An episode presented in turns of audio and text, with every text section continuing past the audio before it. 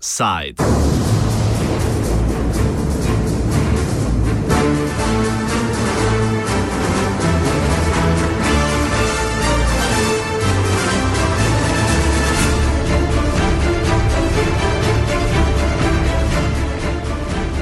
Evropa nad ruske medije.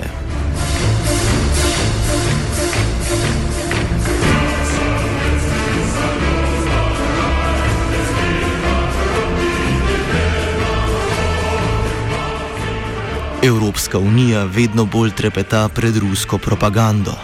Sledeč raziskavam javnega mnenja, skoraj polovica francozov za konflikt v Ukrajini obtožuje Kijev, enako meni dobra tretjina Nemcev.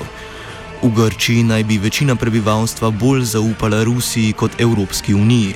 Za Evropsko unijo strah vzbujajoč delež takšnih ljudi je mogoče najti tudi v Italiji, na Mačarskem in Slovaškem.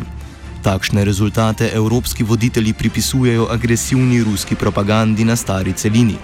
Služba Evropske unije za zunanje delovanje je zato pripravila načrt nasprotovanja domnevnim ruskim kampanjam dezinformiranja.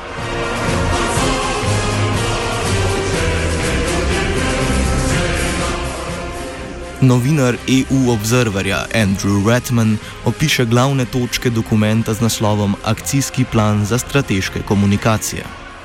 I, uh, I saw the, the draft action plan on strategic communication, which was looked at by foreign ministers on Monday and which will be looked at again at the leaders briefly at today's summit. Um, it's about nine pages long and it outlines a number of concrete actions. I guess the, the one that stands out is that the EU Foreign Service is setting up a new communications cell called East Stratcom Team. And they're going to produce material with positive stories about the EU, which is to be circulated to EU delegation, forwarded perhaps to media in um, the Eastern Partnership countries, the former Soviet countries such as Ukraine or Moldova. That's the number one thing that stands out for me. Um, but apart from that, they aim to fund also um, Russian language media, um, independent local media in Central and Eastern Europe, and again in the Eastern Partnership region. And there's an interesting sting at the end of the tale because the paper also says that um, the EU plans to table uh, some new legislation and to improve the regulatory environment in the EU.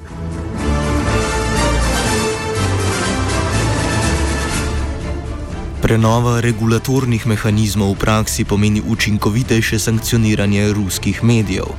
Evropske oblastne strukture pri tem izpostavljajo, da je akcijski plan namenjen nasprotovanju dezinformiranja, torej preprečevanju širjenja neresničnih informacij.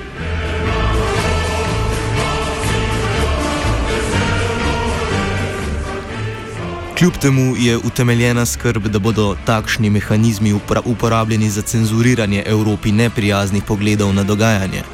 Britanski Ofcom, ki je zadolžen za reguliranje medijskega prostora, je ruski televiziji Russia Today že dvakrat zagrozil s prekinitvijo licence.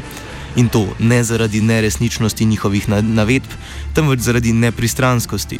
Obtožili so jih, da med poročanjem o Ukrajini niso dovolj časa namenili predstavitvi mnenja vlade v Kijevu.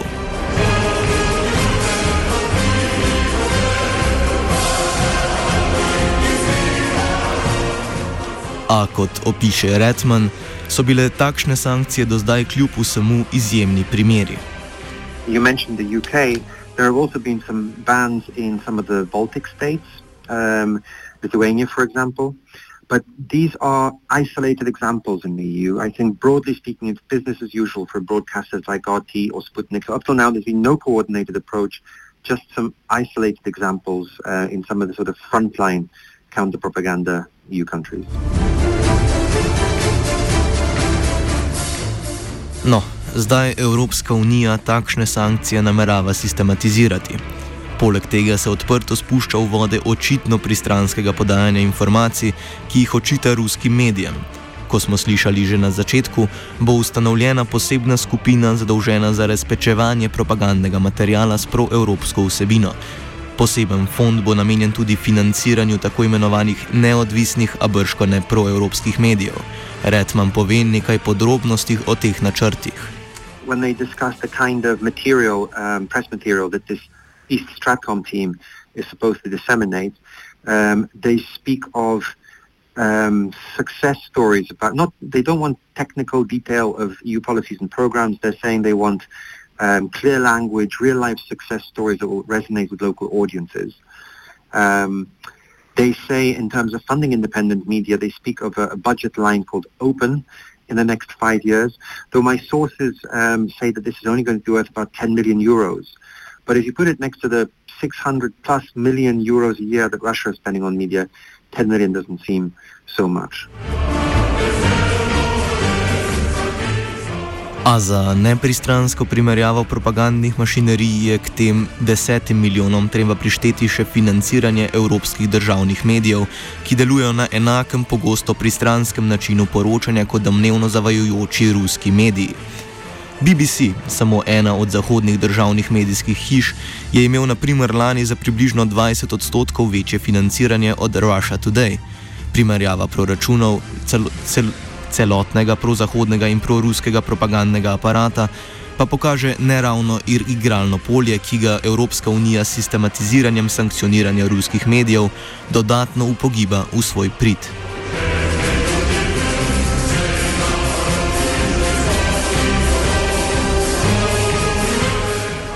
Kljub tem dejstvom in poten potencialno nedemokratičnim težnjam, ki jih izraža akcijski plan, pa nekatere države zahtevajo še trše postopanje, zaključi Redman.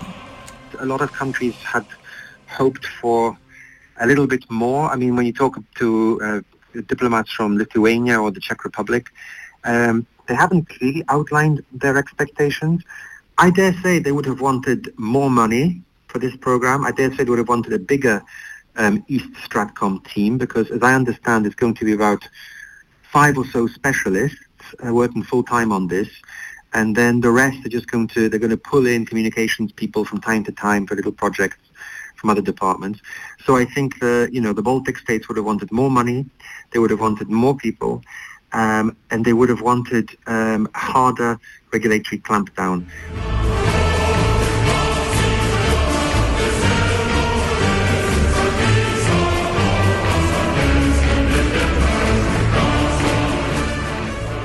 Offside je pripravil Twitter.